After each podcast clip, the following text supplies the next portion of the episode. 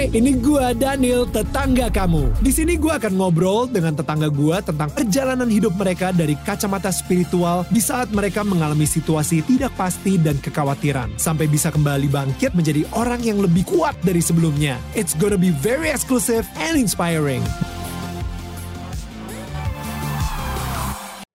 Welcome back bersama gue Daniel Mananta dan masih bersama tetangga kita Natasha Manuela. Nah kalau misalnya kalian pengen tahu siapa sih tetangga yang bakal diundang selanjutnya, langsung dong pantengin di sosial media kita di @danielmananta_network.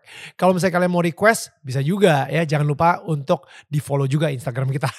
Oke, Cak jadi gini, um, lu tadi sempat bilang bahwa perjuangan sesungguhnya setelah lu balik dari Miss World, ya hmm. ya kan? Um, how was that? Like like you know ketakutan-ketakutan lu uh, ketika misalnya wah ketika gue udah selesai jadi uh, udah jadi Miss World, abis itu ada atau Miss Indonesia, abis itu nanti udah ada di 2017 ada yang gantiin juga, misalnya yeah. seperti itu. Um, lu gimana caranya supaya lu melawan rasa takut lu itu, you know, mungkin rasa takut dilupakan. Benar. Right? Um, pasti ada soalnya karena lu pasti. merasakan atau sudah menyicipi ketenaran. Yep. Orang-orang mau foto sama lu, uh, lu ke mana-mana pakai ses, pakai crown, wow. Tapi ketika crown itu udah nggak ada lagi, ses itu nggak ada lagi, um, apakah lu masih mendapatkan perlakuan yang sama, misalnya seperti itu? Gimana cara lu menghadapi ketakutan tersebut? Iya, Tentu enggak ya kalau misalnya perlakuan yang sama tentu berbeda. Hmm. Karena emang ya Miss Indonesia berganti terus gitu hmm. kan. Uh, jadi semua fasilitas semuanya udah berpindah, hmm. udah dikasihin. Nah, uh, ini aku juga sekalian sharing kali ya kok. Jadi setelah jadi Miss World itu, aku ada momen aku kena mental illness. Jadi depression, hmm. uh, namanya psikosomatis. Jadi psikosomatis itu adalah penyakit yang terobsesi penyakit mental yang terobsesi sama penyakit. Jadi kayak aku ngerasa misalnya nih ya, aku kok sesek ya. Itu aku bisa aku percaya banget kalau aku tuh paru-paruku sakit gitu. Jadi aneh banget. Ini aku baru tahu kalau misalnya ada mental illness yang seperti itu dan aku ngalamin. Dan setelah aku baca-baca, triggernya mungkin adalah kehilangan seseorang. Nah waktu itu ini karena waktu aku pernah uh, baru pacaran kan sama yang cowok aku sekarang suami aku suami, sekarang, ya.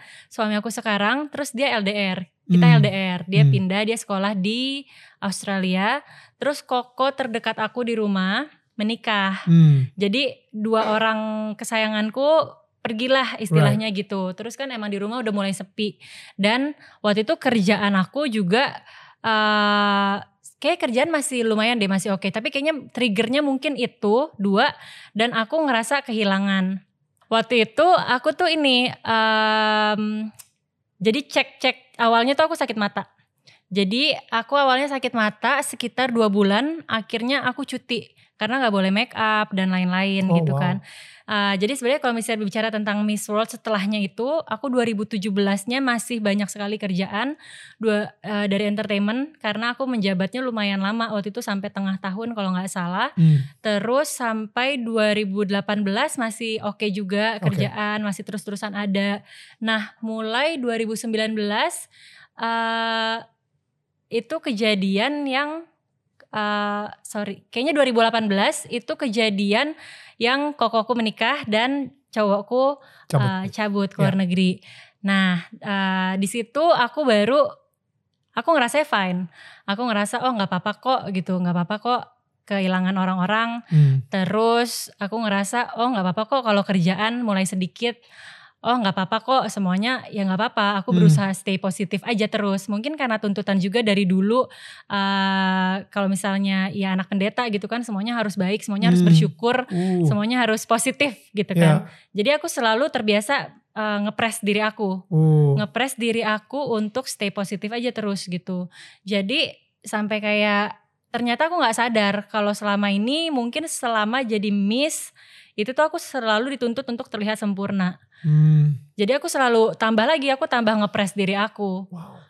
Uh, karena aku dibilangin, Cak kalau misalnya di panggung atau di depan kamera orang tuh nggak peduli lu ada masalah atau lu nggak bisa, lu nggak tahu, ya lu harus kelihatan tahu. Ya. Udah didikte kayak gitu. Ya. Jadi Miss dari dulu pas lagi jadi anak pendeta juga, Ya. Ca, ya lu harus tetap ngasih lihat ya lu bersyukur, Ya. lu positif gitu. Dan ke bawah terus sampai momen tahun 2018 Hmm. aku eh, kehilangan mungkin bukan kehilangan kali ya tapi jadi jauh gitu dan aku ngerasa Jadi jauh sama Tuhan. bukan jadi jauh sama cowok aku dan koko aku Oh oke oke. orang-orang Ya. terdekat aku Ya. terus eh, sampai momen itu aku ngerasa aku aku baik-baik aja Hmm. tapi ternyata eh, ada momen aku sakit mata eh, gara-gara aku waktu itu kayaknya sibuk syuting yang tengah malam gitu loh jadi Hmm. setiap syuting baru mulai jam 1 setiap Ya. hari terus pulang pagi gitu kan akhirnya tiba-tiba. Ya. iya akhirnya tiba-tiba aku kena virus mata Hmm. nah nggak sembuh-sembuh tuh jadi aku check up semua sendiri waktu itu aku lagi ke Vietnam malah ketemuan sama teman-teman Miss World kan Hmm. terus pulang-pulang aku check up uh, sendiri terus udah beberapa minggu nggak sembuh-sembuh sampai dokternya nanya imun kamu kenapa ya malah dokternya yang nanya kan itu jadi bikin aku tambah takut kan loh Wow. dok aku nggak tahu imun aku kenapa gitu kan aku udah disuruh dokter minum vitamin C makan telur setiap hari udah aku lakuin iya tapi kok ini malah nular ya ke sebelahnya nah kayaknya itu tuh udah mulai Hmm. jadi semua yang dari bertahun-tahun dari semua rasa perasaan yang aku press Hmm. tiba-tiba itu trigger itu kayak pecah gitu di situ Hmm. aku panik aku takut aku kenapa-kenapa gitu kan jadi eh, oke gue kayaknya nggak kenapa-napa deh. Aku langsung bacain Google. Salahnya itu tuh aku sendiri. Aku googling aku jadi kayak dokter gitu kan. Nah ternyata semua yang aku baca itu aku takut kayaknya aku takut sakit autoimun kalau nggak salah Ya. gitu. Terus habis itu aku bacain besoknya itu kejadian semua. Bener-bener semua yang aku baca symptomsnya. Eh, tidur tengah malam keringetan kejadian. Degup jantung kenceng kejadian sampai aku cek jantung itu emang gede banget. Dan yang paling aneh menurut aku em, ada muncul bercak-bercak di badan. Muncul aku nggak pernah punya alergi dari aku lahir kali dari aku kecil aku nggak pernah. Cuma gara-gara aku baca itu muncul Semua besoknya simptom yang lu baca akhirnya lu jadi imanin dan lu percayain maksudnya kayak gitu. iya karena Dan kayaknya gue sakit ini deh Iya. terus muncul semua muncul. besoknya dan ini aku ngerasa ternyata kayaknya ini feeling yang selama ini udah uh, oh gue nggak apa-apa kok oh. Ya. iya diganti sama Miss Indo yang lain nggak apa-apa kok oh kerjaan jadi lebih sedikit nggak apa-apa gitu terus sampai momen oh aku ini ditinggal sama kokoku menikah Hmm. terus cowokku LDR aku nggak apa-apa kok terus ternyata semuanya meledaknya saat itu Hmm. jadi memang yang tadi Kak Daniel bilang itu berat-berat gitu sampai ternyata oh aku psikosomatis aku juga baru tahu gitu. Aku ke Hmm. dokter berbeda-beda karena uh, aku cek nih oh ternyata aku nggak autoimun. Terus Hmm. aku lagi ke dokter kan terus aku baca tentang jantung, koroner atau aku ngerasa aku sakit itu. Wow. Jadi itu bener-bener penyakit psikosomatis sangat-sangat aneh sih menurut aku. Wow. Dan aku abis itu aku sampai open question di IG. Pernah gak sih ada yang ngalamin kayak gini? Uh, siapa tahu kita bisa sharing. Dan mereka ada yang bilang, Kaca aku udah dua tahun kayak gitu. Kok my aku dua bulan aja aku udah kayak, wah aku bener-bener Iya. gak ngapa-ngapain. Kerja gak bisa dua bulan karena sakit mata. Terus gak ada pemasukan tapi aku ke dokter terus. Ya. Kayak sebulan bisa 10 kali. Dan setiap aku ke dokter, dokter cuman ngomong, kamu stres. Kayaknya kamu psikosomatis deh. Sampai akhirnya ada momen aku dikasih eh, obat penenang. Hmm. Sampai kayak gitu. Sampai aku tuh sebenarnya nggak terima banget. Jadi ini benar-benar berubah ya. Dari tadinya Miss Indo yang Ya. terlihatnya sempurna.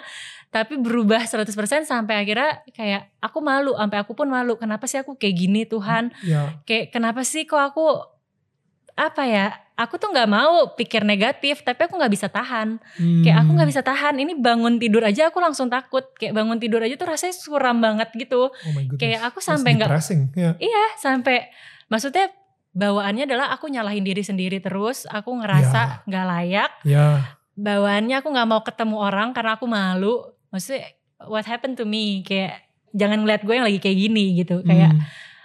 ternyata maksudnya momen yang selama ini aku nggak tahu aku nggak resapin emosi aku bisa jadi kayak gitu gitu Dan lu mungkin berasa juga kayak, nih Tuhan kecewa banget nih sama lu. benar jadi Hmm. aku ngerasa kayak Tuhan Aca dosa lagi nih Aca khawatir lagi Hmm. maksudnya kayak Tuhan bilang janganlah kamu khawatir, janganlah kamu takut gitu banyak banget di Iya, firman Tuhan. iya. Tapi setiap hari aku takut, setiap Dan hari khawatir. iya kayak ciciku bilang, "Ca, ayo bersuka cita, bersuka citalah." Hmm, Nggak bisa apa yang harus aku suka citain wow. karena momennya aku tuh ngerasa aku lagi sakit parah. Iya. Jadi aku ngerasa aku udah momen aku kayak I'm dying gitu. Padahal sebenarnya aku nggak kenapa-napa tapi aku stres. Tapi pikiran aku yang bikin aku mengimani aku sakit itu sampai general check up dan lain-lain. Tapi sebenarnya I'm fine gitu. Aku nggak apa-apa. Wow. Dan itu yang namanya psikosomatis gitu. How do you get out of that hole? Gimana am- sampai akhirnya lu mematahkan si um, penyakit tersebut gitu? Jadi em, waktu itu aku cerita sama teman-teman. Jadi teman terdekat.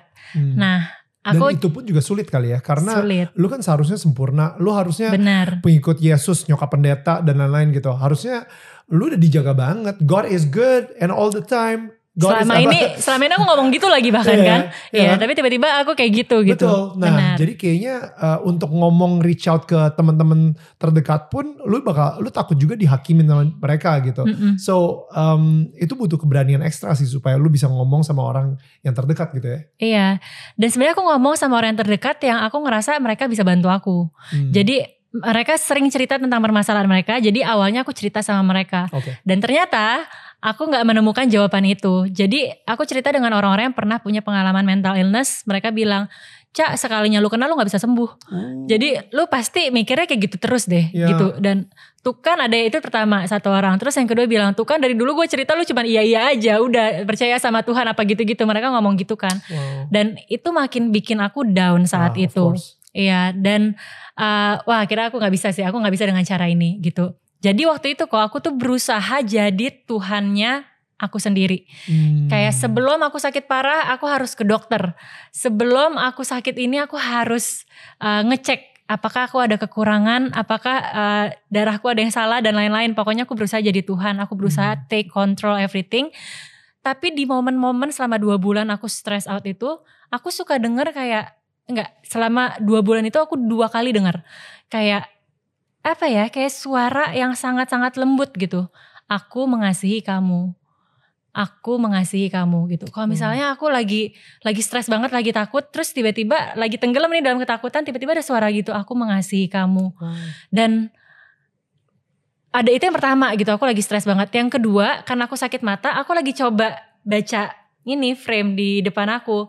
Itu ayat firman Tuhan Oh. tentang janganlah kamu takut karena tangan kananku akan membawa kamu kepada kemenangan gitu kan. Hmm. Itu aku lagi bacain karena mataku kan yang tadinya normal jadi silinder berapa tiga komaan Oh minus gara-gara sakit mata itu kan. Terus tapi pas aku lagi berusaha baca gitu benar-benar jelas lagi aku mengasihi kamu gitu. Dan di situ apa ya aku tuh ngerasa gila ya Tuhan dan diingetin lagi sama kakakku Cak misalkan pun kamu sakit parah tapi kamu tuh tetap berharga di mata Tuhan. Wow. Jadi pas selama aku takut, takut psikosomatis itu kan emang tentang penyakit semua kan. Jadi misalkan waktu itu aku bahkan out of nowhere aku takut aku HIV kok. Oh Padahal out of nowhere aku nggak pernah nyuntik, aku nggak pernah ngapa-ngapain, tapi aku Right. takut aku HIV gitu kan. Yeah. Terus aku baca-bacain gitu segala macam. Oh bisa jadi karena jarum apa apa segala macam. Hmm. Jadi mikir aku bisa mungkin gitu kan.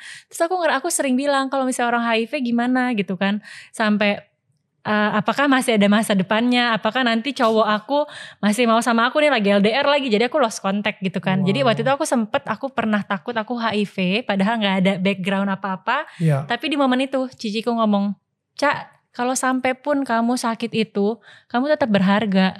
Kamu tetap berharga walaupun kamu terbaring sakit, walaupun kamu udah nggak produktif, walaupun kamu udah nggak terlihat sempurna, kamu berharga dan kamu dikasihi gitu.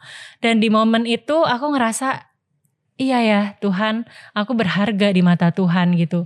Dan aku ngerasa gimana aku bisa pulih, kuncinya cuma satu, karena aku ingat kasih Tuhan aku ingat balik lagi kasih Tuhan buat aku tuh luar biasa gitu. Mau aku udah sedosa apa pun, mau aku udah salah terus, aku kecewa terus. Jadi selama aku depres itu kan aku nyalahin diri aku terus kan kok. Ini pasti gara-gara gue waktu itu dosa ini deh Tuhan jadi ngehukum gue. Ini kayak pasti karena gue dulu pernah uh, pacaran yang beda agama deh. Jadinya Tuhan gak suka nih. Jadi aku suka kayak nyalahin Ya. diri aku gitu. Tapi pas lagi aku nyalahin diri aku, aku dengar suara itu kayak aku mengasihi kamu. Terus aku tiba-tiba baca firman Tuhan kayak uh, bangkitlah dosamu sudah diampuni dan jangan berbuat dosa lagi. Kayak jadi semua yang aku baca terus aku ketemu uh, komsel gitu ya itu semua kayak ngarahin Tuhan tuh pengen cuman mastiin doang, aku tuh sayang sama kamu gitu. Wow. Dan Tuhan tuh nggak ninggalin aku. Bahkan ada pendeta dari luar negeri yang ciciku pelayanan, dia tuh punya penglihatan gitu kok. Dia bilang ke ciciku, aku ngeliat sister kamu, pakai bahasa Inggris, aku ngeliat sister kamu mengalami turbulation yang nggak pernah dia alamin selama ini. Wow. Tolong kamu reach out dia, kamu bilang Tuhan tuh sayang sama dia. Dan aku tuh kayak Tuhan ini dari ini pendeta yang maksudnya gak aku cuma kenal lu nggak tahu aku dari pernah ketemu sekali uh. Tapi maksudnya dia tinggal di mana? Dia, yeah. dia maksudnya nggak tahu tentang aku tapi Tuhan tuh cuma pengen ngasih lihat gue tuh peduli sama lu. Dan kayak pas di momen itu aku stop gitu jadi Tuhan untuk diri aku. Karena mau 10 kali aku ke dokter aku nggak pernah ngerasa aku baik-baik aja. Kayak dokter bilang kamu nggak apa-apa kamu cuma stres. Tapi aku selalu ngerasa aku sakit. Jadi hmm. semua usaha yang aku lakuin semua usaha manusia yang aku lakuin nggak ada artinya gitu. Jadi ya udah hidupmu tuh hidupnya Tuhan gitu hmm. lu tuh bukan tentang lu lagi tapi tentang Tuhan hmm. the moment lu bilang lu percaya sama Tuhan hidup lu bukan punya lu lagi tapi punya Tuhan jadi aku langsung kilas balik pas aku lagi misal aja aku bisa nyanyi suka-sukamu Tuhan. Yeah. Tuhan ingetin lagi gitu. Jadi bener-bener menurut aku kenapa aku bisa pulih itu sih karena aku ingat kasih Tuhan itu luar biasa hmm. buat aku gitu di mana aku nggak bisa ngampunin diri aku tapi Tuhan ngampunin aku hmm. di mana aku baru oke okay, sukacita kalau habis itu aku takut lagi gitu itu tuh Tuhan tuh ngasih lihat kalau ya udah bangun, lu hmm. udah diampunin kok dosa lu gitu. Hmm. Tapi uh, aku juga mungkin mau sharing kali ya kalau misalnya aku ngerasa banget di masa itu aku jadi sadar Tuhan tuh punya grand grand purpose gitu buat kita. Buat jadi maksimal, buat hmm. jadi ambasadornya Tuhan, buat jadi misalnya lu ditempatin di entertainment ya lu maksimal di entertainment. Yeah tapi iblis juga punya rencana buat kita hmm. supaya kita nggak jadi ke purpose-nya Tuhan. Ya. Nah, lu mau pilih purpose yang mana gitu. Jadi kenapa aku bisa takut banget? Kenapa aku jadi ngerasa aku minder, aku nggak punya apa-apa, aku takut, aku nggak produktif, aku nggak maksimal. Ya itu karena aku lagi memilih purpose-nya si iblis ini. Hmm. Karena ketakutan, kekhawatiran itu yang membuat maksudnya kita buka celah dikit aja buat hmm. ketakutan itu tuh menguasai kita gila-gilaan. Hmm. Aku cuman takut sedikit terus aku baca Google itu jadi kejadian semua gitu. Ya. Jadi aku ngerasa eh ya Tuhan ketika kita menentukan nih kita mau ikut purpose yang mana hmm. itu ya harus 100% kita ikut purpose-nya Tuhan gitu. Ya. Jadi jangan pernah buka celah sedikit pun untuk kayak kekhawatiran, ketakutan karena itu bisa menguasai kita semuanya ya. gitu. Ya. Jadi itu yang aku pegang sih kok. Jadi selama ini pas lagi di dunia entertainment ini uh, mau aku masuk ke apa jadi presenter baru nih gitu hmm. ya. Terus aku banyak gagal. Hmm. Itu aku belajar kayak it's okay gitu. Hmm. Kayak lu tetap berharga, lu tetap oke okay kok. Ya udah jadi lebih baik aja besoknya. Ya. Dan ingat maksudnya ya lu nggak dinilai berdasarkan itu. Keberhargaan lu tuh nggak dinilai dari kegagalan lu, kesalahan lu, kesalah ngomongan lu di depan kamera ya. di di mana pun. Tapi ya intinya ya lu udah berharga karena ya hmm. ya Tuhan itu udah sayang sama lu karena karena Tuhan lu berharga. Ya. Jadi ya aku di, di entertainment ini yang aku sadari adalah aku untuk Tuhan gitu. So good um, gue pengen ngomong kepada semua yang lagi denger, yang lagi nonton sekarang ini. Um, mungkin kalian juga sering banget denger gitu ya. Tuhan mengasihimu, Tuhan mengasihimu gitu. Dan Tuhan mengasihi orang orang-orang di dunia ini, Tuhan mengasihi kita. Actually gue suka banget ngeganti mu atau kita dengan nama gue sendiri. Tuhan mengasihi Daniel, Tuhan mengasihi Aca, Tuhan mengasihi siapa pun isi nama lu sendiri di situ. Tuhan mengasihi dan lu percayain banget gitu. Karena Tuhan mengasihi lu apa adanya, yes. bener-bener dengan segala kerusakan-kerusakan lo. Uh, kemarin malam lu baru dosa, ya kayak gitu. Uh, lu mikir, man, gue gagal lagi, gue jatuh lagi dalam dosa. Tapi yes, even though Tuhan tahu lu ngelakuin hal tersebut, tapi Tuhan tetap memilih untuk mencintai lo dan mengasihi lo. Dan mudah-mudahan dari tadi ceritanya Aca, lu sendiri juga bisa mengalami sebuah penyembuhan gitu. Penyembuhan di dalam hati, penyembuhan secara spirit gitu ya. Dan bahkan mungkin penyembuhan dalam fisik. Oke, okay? karena kayak mungkin apalagi lu sekarang lagi nonton dan abis itu lu gila gue ngerasa banget it, this is resonating banget nih sama hati gue dan um, ini ini exactly apa yang lagi gue alamin. Kenapa nggak lu give God a try gitu? You know ketika lu udah nyoba ke dokter lu nyoba konsultasi lu nyoba ke terapi lu nyoba ke semuanya lu cobain semuanya tapi mungkin lu nggak pernah nyobain Tuhan gitu. Dan di mana mungkin sekarang ketika lu lagi denger ini ketika lu tahu bahwa wow ternyata uh, walaupun gue ngerasa tidak layak, tapi Tuhan yang tetap melayakkan gue gitu. Tuhan yang tetap mengasihi gue, memilih untuk mencintai gue apa adanya dan gue ciptaan terindahnya dia. Um, Lu mungkin mikir saat ini kayak, oh itu mah untuk Aca, untuk Daniel, untuk orang-orang yang uh, hidupnya kelihatannya lebih suci dari gue gitu kan. Padahal enggak gitu. Tetap aja ini benar-benar buat lu dan gak eksklusif karena Tuhan Tuhan yang menyembuhkan Aca adalah Tuhan yang sama yang akan menyembuhkan lu juga gitu di sini. So ya. Yeah. Aku nambahin sedikit lagi ya kok kayak waktu itu kenapa aku kayak nggak walaupun Tuhan udah ngomong aku mengasihi kamu aku denger bisikan itu aku mengasihi kamu tapi aku kayak nggak langsung sembuh saat itu juga itu mungkin karena aku tuh terbiasa kalau aku mau dapetin sesuatu aku mau dapetin kasih aku harus berusaha hmm. karena Miss Indo so, aku ya. harus yeah. latihan terus baru aku bisa maksudnya disukain orang so, yeah. terus pokoknya tuh kalau misalnya hidup kasih dunia kali ya, ya. kasih dunia itu transaksional banget. Benar, ya. kita tuh harus ngelakuin apa baru kita dapet. Ya. Tapi kalau misalnya ini Tuhan, Tuhan gue udah jelek banget nih, gue udah hancur banget, gue ngerasa kayak dosa gue banyak banget nih, ini kayaknya hukuman itu yang aku rasain. Betul. Tapi Tuhan nggak, Tuhan bilang aku mengasihi kamu tanpa syarat dan itu tuh butuh waktu juga untuk aku belajarin hal itu. Butuh waktu untuk aku mengerti gila ya kasih Tuhan tuh gede banget. Hmm. Kayak gila ya Tuhan maksudnya aku nggak terbiasa dengan kasih seperti itu. Hmm. Tapi ketika Tuhan buka pintunya Tuhan, aku jadi realize gitu, iya ya Tuhan mengasihi gue bukan karena gue, tapi karena karakternya itu kasih. Ya. Kayak dia tuh ya nggak tanggung tanggung, dia mau ngasih, mengasihi kita tanpa syarat gitu. So, Dan kalau dulu aku bilang, mah kenapa ya? Dulu tuh aku cerita sama mamaku, mah kenapa ya? Kalau dulu aku tuh kayak gampang banget kok tahu Tuhan sayang sama aku, aku nggak khawatir kok aku kekurangan kasih, kok sekarang susah banget ya, mamaku hmm. bilang, Cak itu Tuhan lagi bawa kamu ke next level, di mana kamu jadi tahu, oh dunia ini tuh nggak seaman yang kamu pikirin pas kamu masih kecil. Wow. Dunia ini permasalahannya lebih besar daripada kamu putus cinta yang tadi. Hmm. Kayak dunia ini masih banyak banget permasalahannya, tapi Tuhan lagi bawa lu next level. Kalau dulu lu tahu kasih Tuhan sebesar cup ini, waktu itu aku lagi ngobrol sama mamaku di NTT di Kupang. Hmm.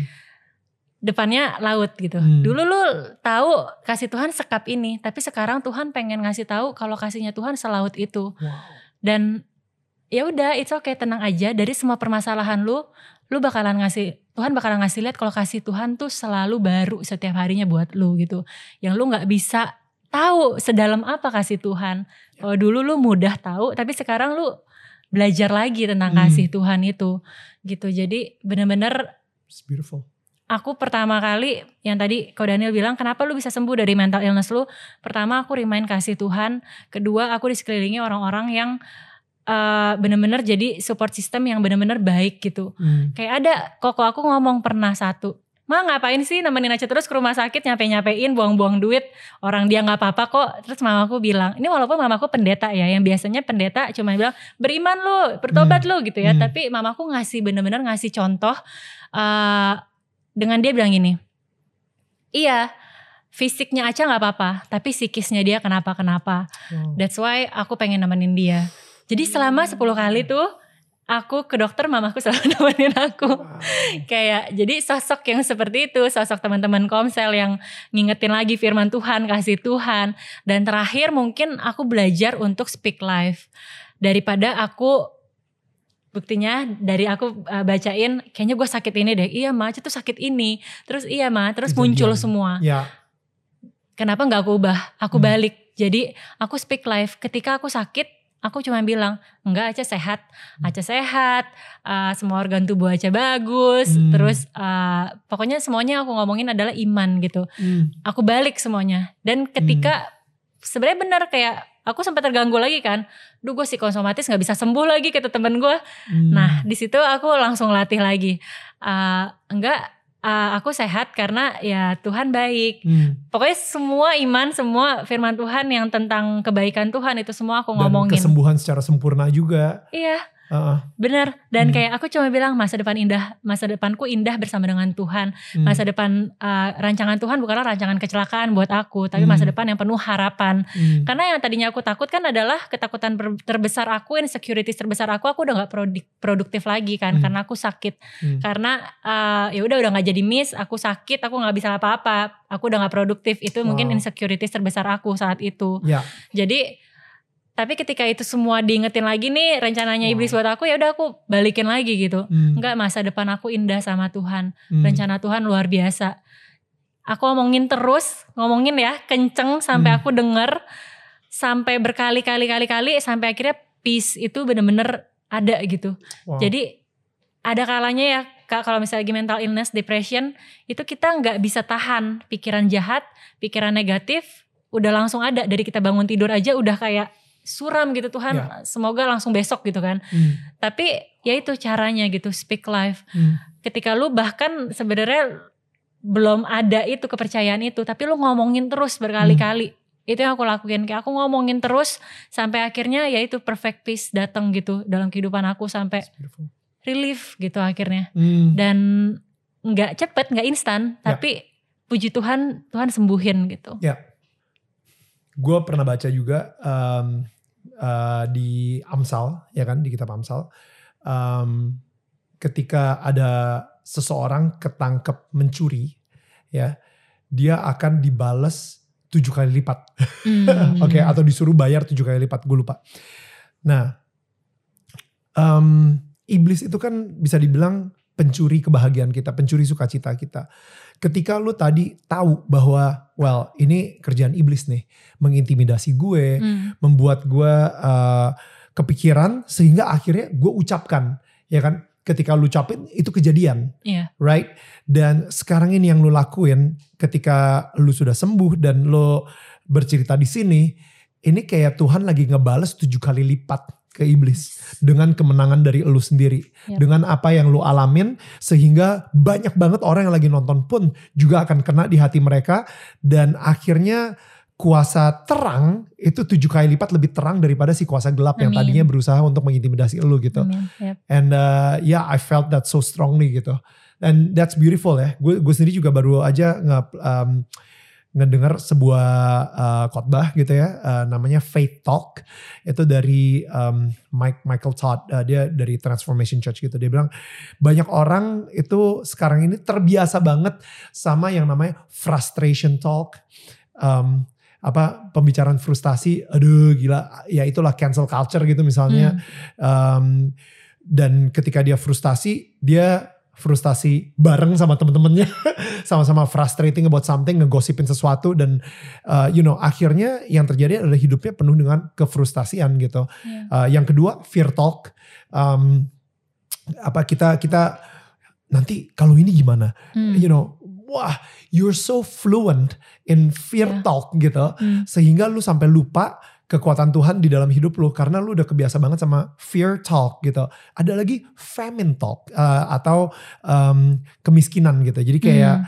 kayak wah um, gila dia ke mana-mana naik mobil mewah kayak gitu. Gue nih santai aja men. Gue ngojek ke mana-mana, gue juga tetap bahagia. Iyalah hidup gue kan emang uh, sesantai ini. You know like lu malah merendah dirikan uh, hidup lu, lu bercandain sama temen-temen lu dan lu malah kayak bercandaannya bercandaan, woi karena kita kan orang Miss Queen atau yeah, apa yeah, kayak gitu, yeah, you know, yeah, yeah. yo hidup Miss Queen atau whatever yeah, bener, gitu, bener, you know. Dan itu lu bercanda-bercandain tersebut, tapi lu ucapkan biarpun um, lu bercandain, ketika lu ucapin, ya ya ucapan adalah doa. Yes. You know, yep. dan uh, banyak banget apalagi ada famous talk. Lu cuman ngucapin sesuatu demi mencari sensasi supaya lu dapetin likes lebih banyak, lu dapetin follower lebih banyak gitu. Lu ngucapin sesuatu hanya untuk sebuah agenda supaya lu lebih bisa naik dan populer gitu. Dan ya pokoknya at the end of the day, the most important thing adalah faith talk. Yes. Di mana um, iman gitu. Hmm. Jadi apa yang lu mau, lu ucapin dan itu akan terjadi. Bayangin kalau misalnya nih yang lu lagi nonton ya, bayangin mulai besok ketika lu bangun tidur, apa yang lu ucapin akan terjadi. Iya. Lu akan jauh Amin. lebih hati-hati. Iya betul. Dengan apa yang lu ucapin gitu. Benar. Ya gak? Benar. Lu akan lebih hati-hati banget. Now, itu dia itu nggak main-main ketika apa yang lu ucapin ucapan adalah doa iya ya ya kan karena yang lu ucapin itu akan menjadi sebuah benih dan benihnya itu nanti suatu saat akan tumbuh dan lu akan ambil ketika lu ucapannya itu negatif negatif negatif terus nanti ketika saatnya untuk uh, menuai gitu ya untuk harvest time yang lu dapetin adalah buah-buahan yang rasanya pahit dan negatif. Iya. Kayak gitu. That's, And um, yeah, I like that. I like that so much gitu with your That's why waktu itu ya kalau misalnya pas lagi mental illness dan banyak sekali pikiran yang negatif bahkan aku gak menemukan pikiran positif aku belajar untuk gak ngasih lihat kalau aku lagi mikir itu. Pas lagi aku berusaha lagi sembuh ya. Jadi karena iblis tuh tahu gitu kalau aku lagi takut. Maksudnya kan yang naruh hmm. pikiran-pikiran itu kan iblis kan. Kayak kalau misalnya aku omongin duh takut nih gue gini gini gini lagi. Duh takut kayak gue sakit ini deh. Itu ditambah tambahin terus gitu. Right, right. jadi aku tuh belajar untuk secara fisik aku nggak nunjukin kalau aku lagi takut. Wow. Jadi kalau misalnya pikiran jahat itu datang, oke okay, gini. Hmm. Kayak aku senyum gitu, aku hmm. senyum terus aku makasih Tuhan buat hari ini. Hmm. Walaupun tuh sebenarnya aku nggak menemukan sesuatu hal yang aku bersyukur gitu, hmm. tapi aku belajar untuk melakukan sebaliknya hmm. supaya pikiran jelek itu stop. Ya. gitu karena pernah ada cerita aku tuh masuk rumah sakit kan waktu hmm. itu aku sakit uh, eh, ISK infeksi saluran kemih. Hmm. Itu aku masih bergumul tentang psikosomatis ini. Hmm. Dan waktu itu aku lagi takut yang autoimun itu. Hmm. Aku udah pulang, maksudnya aku udah dinyatakan boleh pulang, tapi masih ada kekhawatiran kan tentang apa aku sakit ya. Maksudnya apa dokternya tuh miss ya, miss cek gini. Tiba-tiba aku tuh di chat sama teman aku, sakit apa Ca? ISK. Wah mamaku kemarin autoimun meninggal awalnya gara-gara itu kayak kayak maksudnya tuh iblis tuh tahu kayak itu dia kayak rencana iblis tuh ada gitu wow. dan dikala itu aku tuh bener-bener gila ya Tuhan maksudnya kok gue langsung dites segitunya gitu yeah. ya udah di momen itu cici aku langsung nangkep cak lu kenapa muka lu beda gitu wow. nah that's why aku jadi kayak belajar kayak saat iblis tuh tahu iblis pasti nambah-nambahin terus yang jelek-jelek hmm. ketakutan jadi ya jangan kasih celah. Belajar ya, hmm. belajar untuk kalau misalnya lu lagi depres, lu lagi takut, belajar untuk nggak ngasih lihat itu dan nggak hmm. ngomongin itu yang tadi Ko Daniel bilang. Ya. Kalau enggak ya tambah terus, jangan ya. pernah kasih celah gitu. Ya, ya. Ini gue nemuin sesuatu yang paradoksikal di sini. Di mana lu tadi sempat bilang kalau um, lu harus tampil sempurna, um, lu anak pendeta sehingga lu harus tampil kayak lu adalah orang yang paling diberkatin dan lu bersyukur uh, nggak uh, punya masalah uh, sehingga lu malah nge-suppress hmm. perasaan hmm. tersebut lu hmm. sampai akhirnya meledak dan jadi penyakit gitu ya. Tapi ya at the same time lu barusan ngomong bahwa ketika uh, lu mempunyai masalah jangan dikeluarin gitu maksudnya jangan di senyum aja gitu ya, ya senyum aja gitu senyum aja dan lu tahu kalau misalnya Tuhan bakal menang gitu. Jadi jadi agak-agak paradoksikal gitu gitu bertolak gitu belakang ya. gitu ya. Iya, bertolak belakang banget dua ekstrim yang berbeda. Yang satu jangan disurprise, tapi yang satu jangan dibicarakan gitu. Mm -hmm. jadi justru kalau yang gak dibicarakan malah nge-suppress kayak balik lagi tuh kayak wah lo kalau misalnya lu bicarain ini berarti lu nggak bersyukur dong.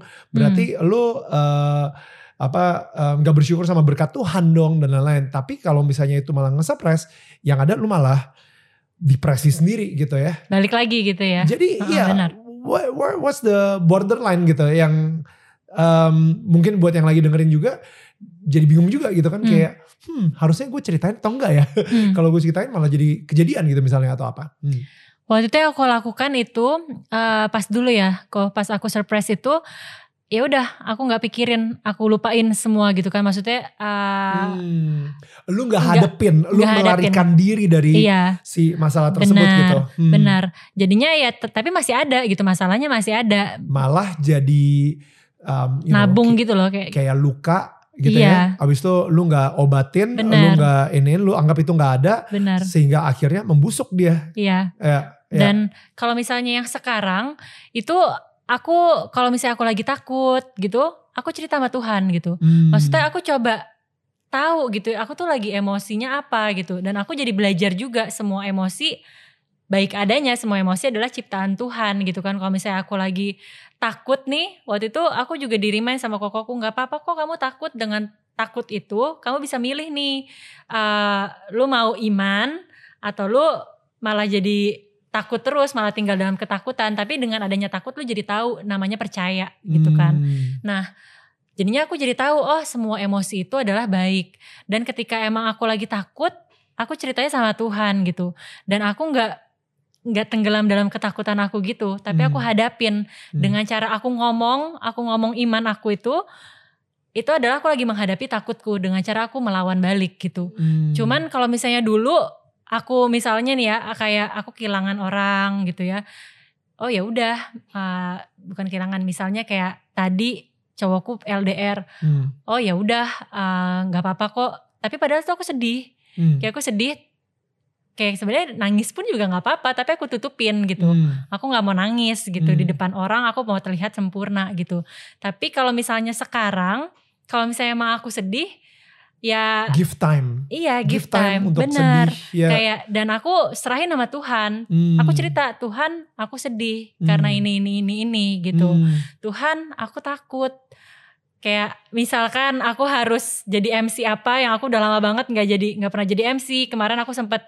runway udah lama banget aku nggak pernah jadi model gitu ya itu tuh aku Lu cerita bilang, sama Tuhan, Tuhan aku takut. Tuhan aku takut karena ada orang mungkin mikir kayak gue ngomong Tuhan aku takut aja itu kayak dosa Hmm. Kayak kesannya, wah kok lu bisa, kayak Tuhan tuh kecewa banget gitu. Kok gitu aja takut sih lu gak tahu kalau misalnya gue ini lebih besar daripada rasa ketakutan lo. Jadi kesannya kayak malah berdosa untuk ngomong Tuhan aku sedih, Tuhan aku kecewa. Iya um, benar. Sebenarnya hmm. sebenarnya kayak uh, aku jadi belajar gitu. Perasaan takut itu ada gitu itu salah satu emosi juga tapi makanya Tuhan bilang jangan takut gitu karena Tuhan ada juga lebih besar dari dia, ketakutan kita dan dia sendiri pas ketika Yesus jadi manusia pun dia mungkin pernah ngerasain ketakutan Benar. juga gitu. Sebelum Tuhan Yesus disalib gitu kan. Betul. kan. Itu adalah ketakutan terbesar gitu kan. Nah aku jadi kayak ngerasa, oh oke okay, aku boleh, maksudnya aku bisa ngerasain takut ya. Semua emosi bisa datang kapan aja. Hmm. Tapi bedanya dulu adalah aku tinggalin, aku gak mau selesain, aku gak mau bawa di hadapan Tuhan. Tapi kalau sekarang aku mau hadapin sama Tuhan gitu. Hmm. Jadi ya misalnya aku lagi ada masalah, Bedanya kalau misalnya dulu pas aku lagi takut, aku lagi stres gitu, aku hadapinnya dengan rasa ketakutan yang luar biasa gitu. Maksudnya aku dengan anxiety gitu. Yeah. Tapi sebenarnya masalah itu bisa selesai tanpa aku takut yang segitunya gitu. Right. Jadi aku bisa menghadapi sebuah masalah dengan uh, kondisiku yang berbeda gitu, ya. dengan yeah. perasaan imanku yang berbeda gitu. Wow, that's so good. Uh, Cak, um, mungkin terakhir gini ya, kayak uh, untuk pertanyaan terakhir aja sih. Dari tadi tuh kita udah ngobrolin soal menjadi berkat untuk orang lain. Definisinya sebenarnya apa itu? Menjadi berkat untuk orang lain.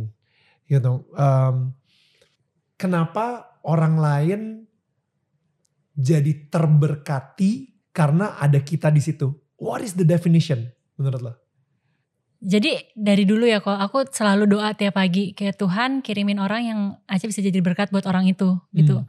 Dan sebenarnya ya Tuhan sering banget maksudnya kirimin orangnya dengan yang aku nggak sangka-sangka juga maksudnya nggak aku bayangkan maksudnya selama ini misalnya kayak aku hidup sama papa mamaku setiap hari itu aku bisa juga jadi berkat buat mereka sebenarnya gitu hmm. dengan dengerin mereka. Hmm. ternyata kebutuhan mereka itu adalah didengerin sama anaknya. Hmm. Yang biasanya mungkin aku ngelawan papa mama.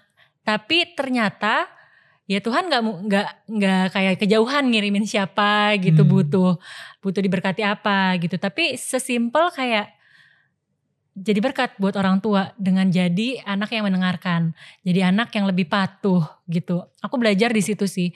Jadi bener-bener dalam kehidupan kita di semua momen kita ketemu siapa pun yang kita nggak sangka-sangka sebenarnya ya Tuhan tuh punya purpose itu gitu kita ketemu sama mereka kayak ternyata dari sharing kita terus dia lagi ngebutuhin Tuhan lagi ngebutuhin kasih Tuhan kayak who knows gitu jadi akhirnya setiap waktu uh, contoh simpelnya misalkan aku jadi miss aku selalu dapat fasilitas driver hmm.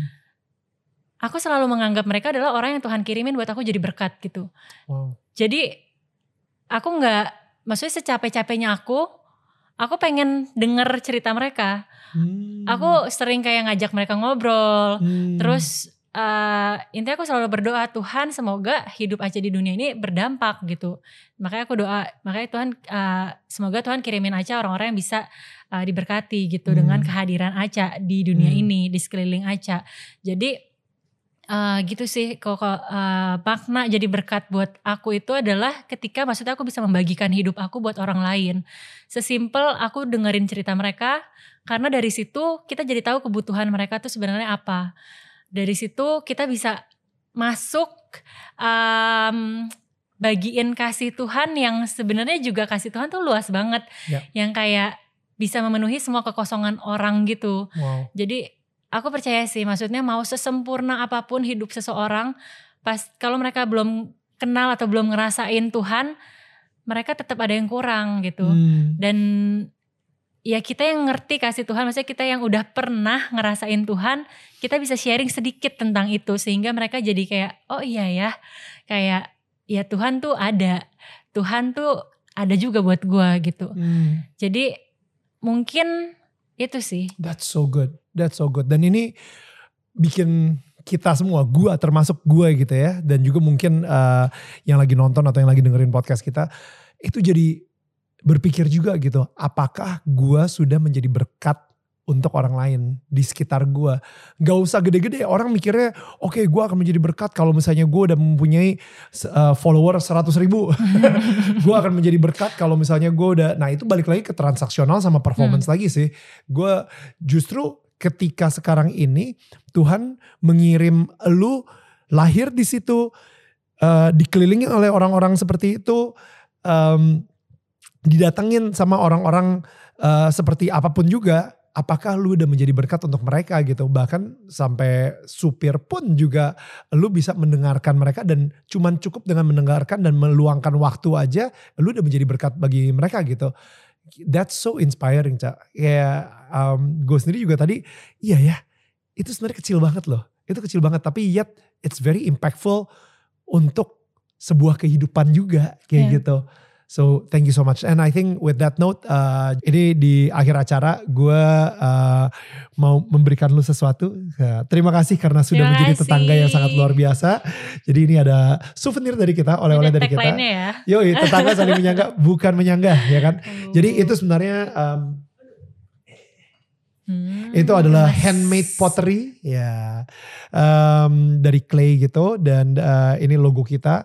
Dan filosofinya adalah well mudah-mudahan rumah yang lu tempatkan apalagi kan lo uh, jadi baru memulai keluarga baru nih yeah. gitu kan. Nah keluarga lu ini bisa menjadi terang uh, makanya di sini ada lilinnya juga nanti uh, terang. Dan terang lu ini akan menyinari tetangga-tetangga yang lain juga kayak gitu. Sehingga menjadi pelita lah kayak gitu kan. Ya amin. Thank you kok thank you thank you thank you. Thank you so much. kembaran deh kita. Yoi. Thank you so much Ca. And um, you. you know kepada semua yang lagi tetangga-tetangga kita yang lagi nonton um, guys kalau misalnya lu ada sebuah uh, perkataan atau quote dari Aca yang kayaknya kena banget dan atau cerita hidupnya Aca yang tadi ngomongin soal psikomatik eh namanya psikosomatis. Psikosomatis. Um, tentang psikosomatis um, atau penyakit yang tumbuh karena kebanyakan kepikiran atau ketakutan terhadap penyakit dan lain-lain. Dan itu ternyata kamu kenal ada seseorang yang lagi mengalami hal tersebut share this video with them. Oke, okay? kita nggak pernah tahu kalau misalnya ternyata cerita kita ini mungkin bisa menyelamatkan hidup seseorang.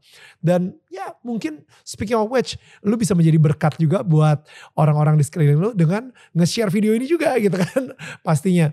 Jangan lupa untuk subscribe juga karena subscribe kalian itu benar-benar berharga banget buat kita. Gue ngerti banget banyak orang-orang yang nonton video ini tapi nggak ngeklik subscribe.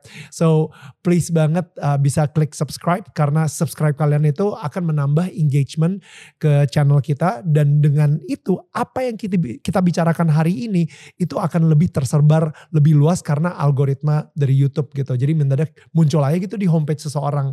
Dan um, jangan lupa untuk cek Instagram kita di @danielmanata_network untuk tahu siapa tetangga kita berikutnya atau mungkin ada uh, quote-quote yang uh, keren dari Aca dan lu pengen mention dia, langsung aja mention di Instagramnya Aca di @natasha_manuela right? Um, langsung cek ke situ juga dan mungkin lu bisa nge-DM dia juga kalau misalnya ada sesuatu yang benar-benar kena banget di hati lu dan itu merubah hidup lu juga gitu. Give your best testimony ke Aca juga. Dan kalian bisa follow kita juga di podcast. And guys, you know what? Banyak banget orang-orang yang udah memberikan testimoni ke gue juga, nge-DM gue bilang kalau hidup mereka sudah mulai berubah itu sejak mendengarkan podcast dan tetangga kamu secara rutin. Karena apa? Karena seperti tadi kita ngomong itu ya, apa yang ucapkan dan apa yang lu denger itu sangat berpengaruh banget sama kehidupan lo gitu. Jadi kalau misalnya lu dengerin podcast yang sifatnya positif dan uh, membuat lu menjadi lebih baik dan lebih dekat lagi dengan Tuhan, yo gue nggak tahu kenapa ya, I feel like that is life changing. Mungkin di tahun 2022, ini awal tahun, isilah um, pemikiran lo, hati lo dengan podcast-podcast yang akan merubah hidup lo juga menjadi lebih baik lagi. So yeah, why not follow our podcast di Daniel Tetangga Kamu. Guys, thank you so much. Uh, mudah-mudahan tips ini berguna buat kalian karena tetangga saling menyangga, bukan menyanggah. See you next week. Thank you so much guys sudah mendengarkan podcast Daniel Tetangga Kamu. Dan jangan lupa di follow podcastnya dan share ke sosial media kalian menggunakan hashtag Daniel Tetangga Kamu. Sebisa mungkin gue akan repost keseruan kalian ketika lagi mendengarkan podcast ini. Kalian juga bisa menyaksikan Daniel Tetangga Kamu setiap hari jam 4 sore waktu Indonesia bagian Barat di channel YouTube Daniel Mananta Network. Karena setiap minggunya akan ada sosok-sosok inspiratif yang akan menceritakan perjalanan hidup mereka dan hubungan mereka dengan Tuhan. Sampai ketemu minggu depan.